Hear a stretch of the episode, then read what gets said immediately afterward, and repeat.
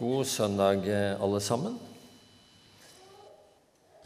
Og eh, takk for invitasjonen til eh, å være sammen med dere på søndagsmøtet i Bjerkely.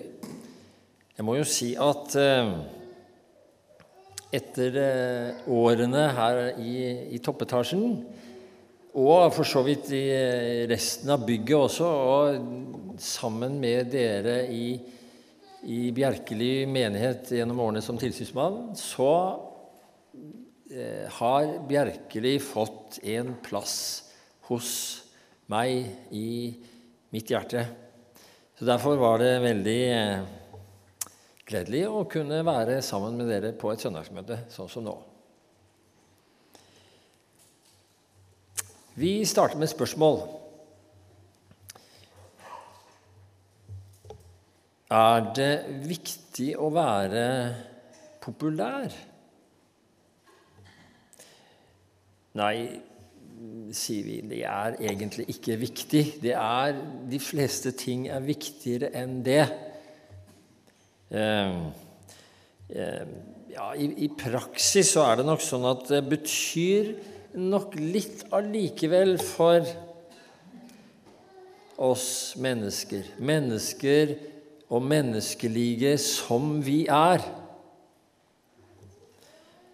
Eh, nå heter det det at eh, det, det, å være godt likt, det er bibelsk. Det er eh, Guds eget ord som sier noe om det. Den første menigheten som var godt likt blant hele folket, det var sagt som en anerkjennelse, som en god ting. Men altså, popularitet, det er ikke helt det samme, det som vi ofte kan strebe etter. Eh, og da veit vi at eh, det er ustadige greier, populariteten. Populariteten kjem, og populariteten går sang Jeg skal ikke spørre hvem det var som sang, noen av dere vet det veldig godt. Og andre av dere aner ikke hvem det var som sang det, men det var altså Vida Sandbekk tilbake i eh, senmiddelalderen en gang, som noen av oss husker ganske godt. Eh, og det var sant. Den kommer og går. Eh, populariteten er en troløs gledeskilde, for å si det sånn. Den kan du ikke satse på. Kanskje var det sånn han opplevde det, døperen Johannes, som vi skal møte i dagens evangelietekst. Han var kjempepopulær. Det ble han eh, i sitt virke. Eh, inntil et visst punkt så var han ikke populær lenger. Da var det plutselig ikke han som folk flokket seg om, men en annen. En annen. De hadde funnet en annen enn Johannes, som de hylla og likte og ville gå til. Så Johannes opplevde egentlig, eh, kan du si, tidenes nedtur. Eller kanskje det egentlig ikke var så viktig for Johannes likevel. Det vil vi få mer rede på når vi leser det som er eh, prekenteksten for i dag i Johannes eh, kapittel 3 fra vers 26. Og der står det slik i Jesu navn De gikk til Johannes, altså eh, Johannes sine disipler, gikk til Johannes og sa til ham, 'Rabbi, han som var sammen med deg på den andre siden av Jordan, og som du vitnet om, han døper nå, og alle går til ham. Johannes svarte, et menneske kan ikke få noe uten at det blir gitt ham fra himmelen. Dere er selv mine vitner på at jeg sa, jeg er ikke Messias, men jeg er sendt i forveien for ham. Den som har bruden, han er brudgom. Men brudgommens venn, som står og hører på ham, gleder seg stort over å høre brudgommens stemme. denne gleden er nå blitt min helt og fullt. Og så avslutter han med følgende sats. Han skal vokse, jeg skal avta. Himmelske Far, vi takker deg for ditt ord. Vi takker deg for din nåde. Vi takker deg for din velsignelse, og vi ber Herre, åpne oss, vårt sinn, vårt hjerte, våre øyne og våre liv for ditt ord, til trøst, til tro, til veiledning og til håp. Amen.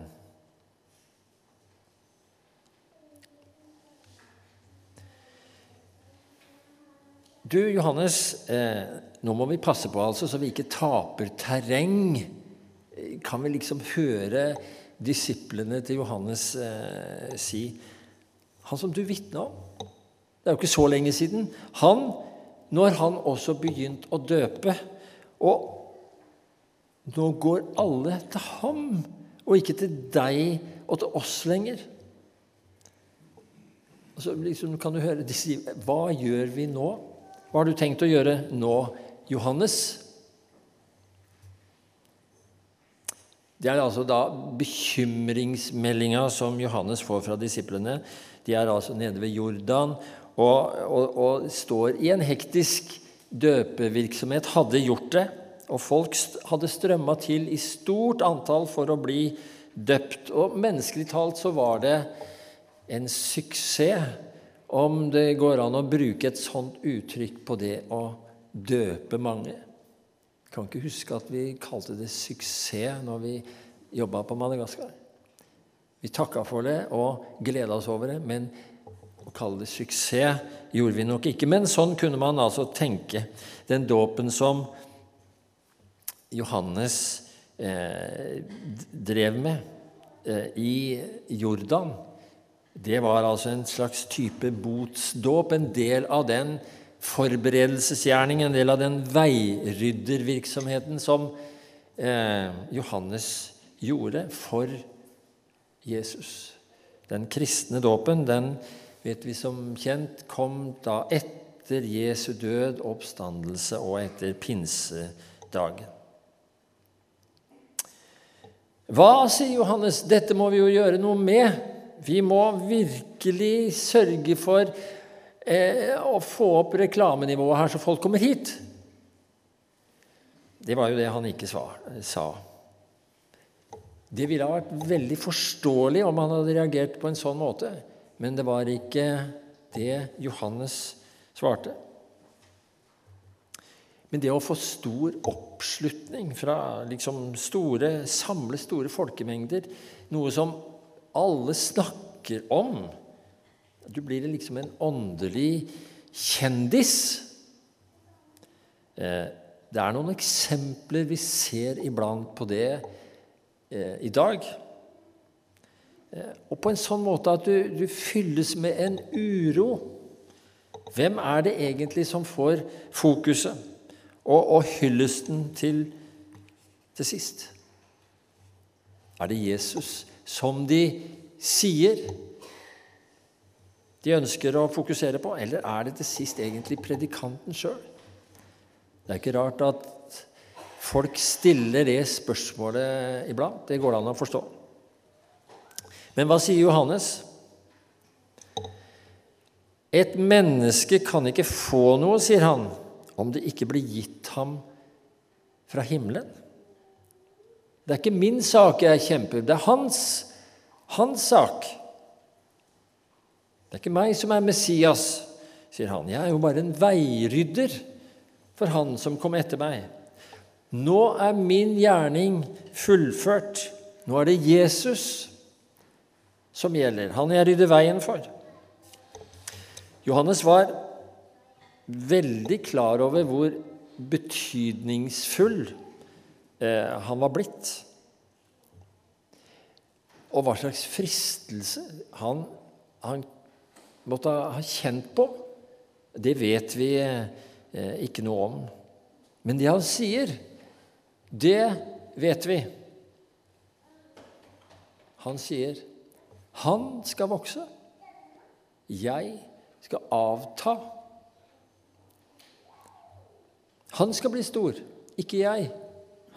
Det er det Johannes svarer. Det er ganske utrolig på mange måter i den situasjonen hvor Johannes eh, sto. Men så har han altså ikke glede i selv å bli stor og betydningsfull. Han har glede i å vente på en som skal bli større.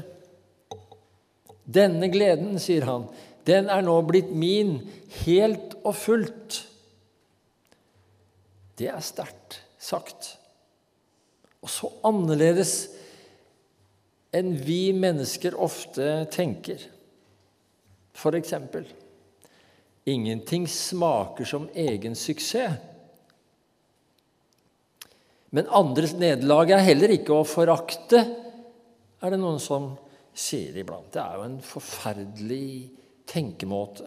Sier sannelig litt om hvordan vi mennesker kan være, hvor lavt vi kan synke.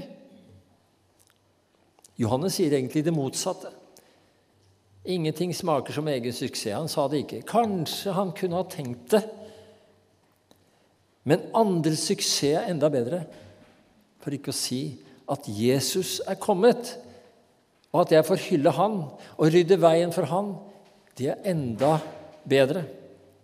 Det viser virkelig litt av den storhet som Johannes hadde. Han skal vokse, jeg skal avta. Hva sier det svaret egentlig til oss som, som lytter til det nå? Ja, sier noen.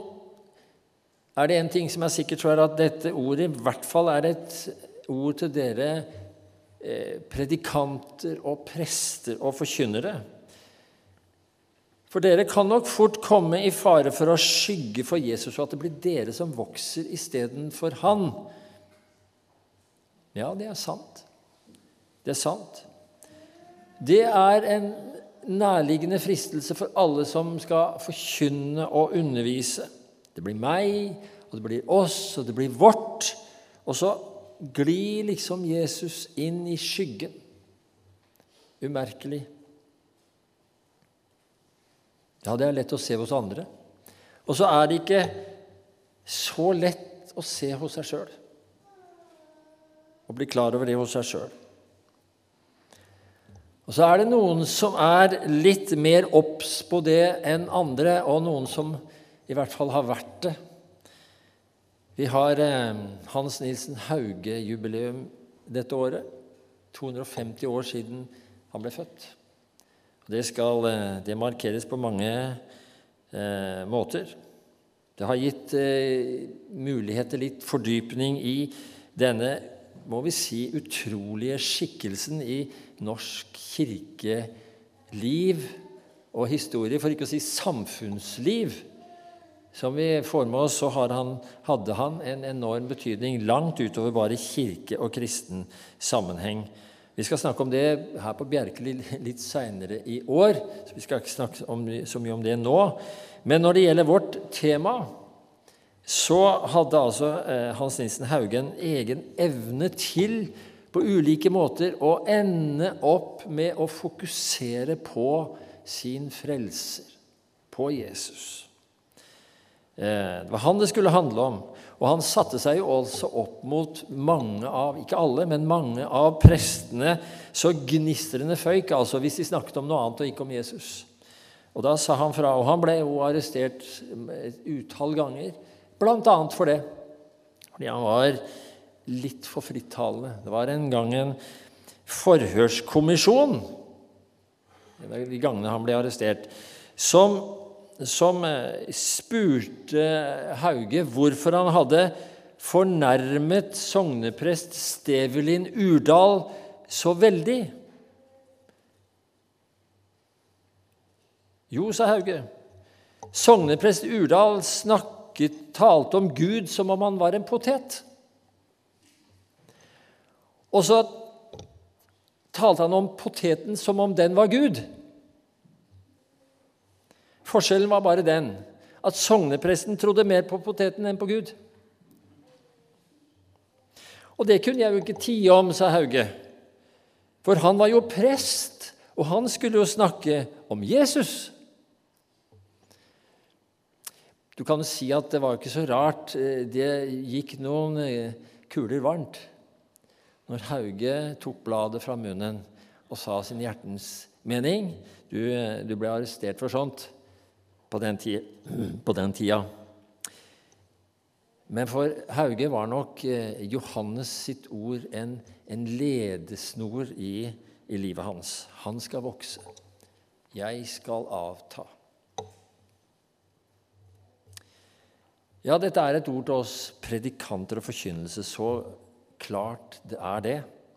Men sannelig er det et ord til oss alle, hvem vi enn er, i troens og kirkens og den kristne sammenheng. Selvfølgelig er det det. Vi er alle satt til, på ulik måte, å formidle evangeliet. Hvem Jesus er, hva han har gjort så vi kan ha et håp og leve livet med glede og takknemlighet. I ord og i gjerning skal vi formidle dette. Det er han det dreier seg om, ikke meg. Jeg skal ikke skygge for Jesus. Men det skjer så fort. Ja, hvordan kan vi gjøre det sånn at Jesus kan vokse, da? Ja, det handler i hvert fall om dette. På en eller annen måte å bringe Jesus inn i den sammenheng du er, i de menneskemøtene du har, i de samtalene du har med andre. Når det er en mulighet til det. Noe som bringer inn noe som handler om troen, om det kristne liv. De store spørsmålene og gåtene, det vi ikke kommer til bunns i. For ikke å si det vi forstår og får ta imot og tro.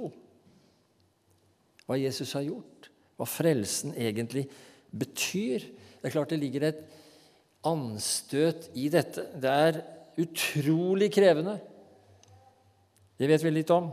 Vi merker det lugger i oss, og samtidig vet vi at her er veien til dette å gjøre at Jesus kan vokse. Det blir så lett store ord, dette, altså. Vi, vi, her kan ordene fly så lett. Men hvordan få dette ut i livet, de hverdagslivene som vi lever. Og så har vi allikevel en, en, fornemmelse av hva dette egentlig handler om. Jeg i mitt liv, og dere i de livene som dere lever. Å hente Jesus inn og gi han plass, sånn at han kan vokse sikker på at mange av dere kunne dele sterke og gode erfaringer både av nederlag og av, av gode ting på, på, nettopp dette. Å bringe Jesus på bane, som det heter. Å bringe Jesus på bane. Å holde ryktet om Jesus levende, som det også iblant eh, sies. Å gjøre sånn at han kan få vokse. Og hvis han gjør det, ja, da avtar jeg uten at jeg egentlig trenger tenke så mye på det når han får vokse. Og så er det likevel kanskje ikke helt sånn som jeg hørte forleden, en litt annen versjon av dette Johannes-ordet. Han skal vokse, jeg skal ta av. Det er nødvendigvis ikke helt det samme. Det var en som sa det nesten sånn som en slags eh, åndelig eh, takeoff mot nye, store høyder i kristenlivet. Eh, og med meg selv i sentrum. og med meg selv i sentrum.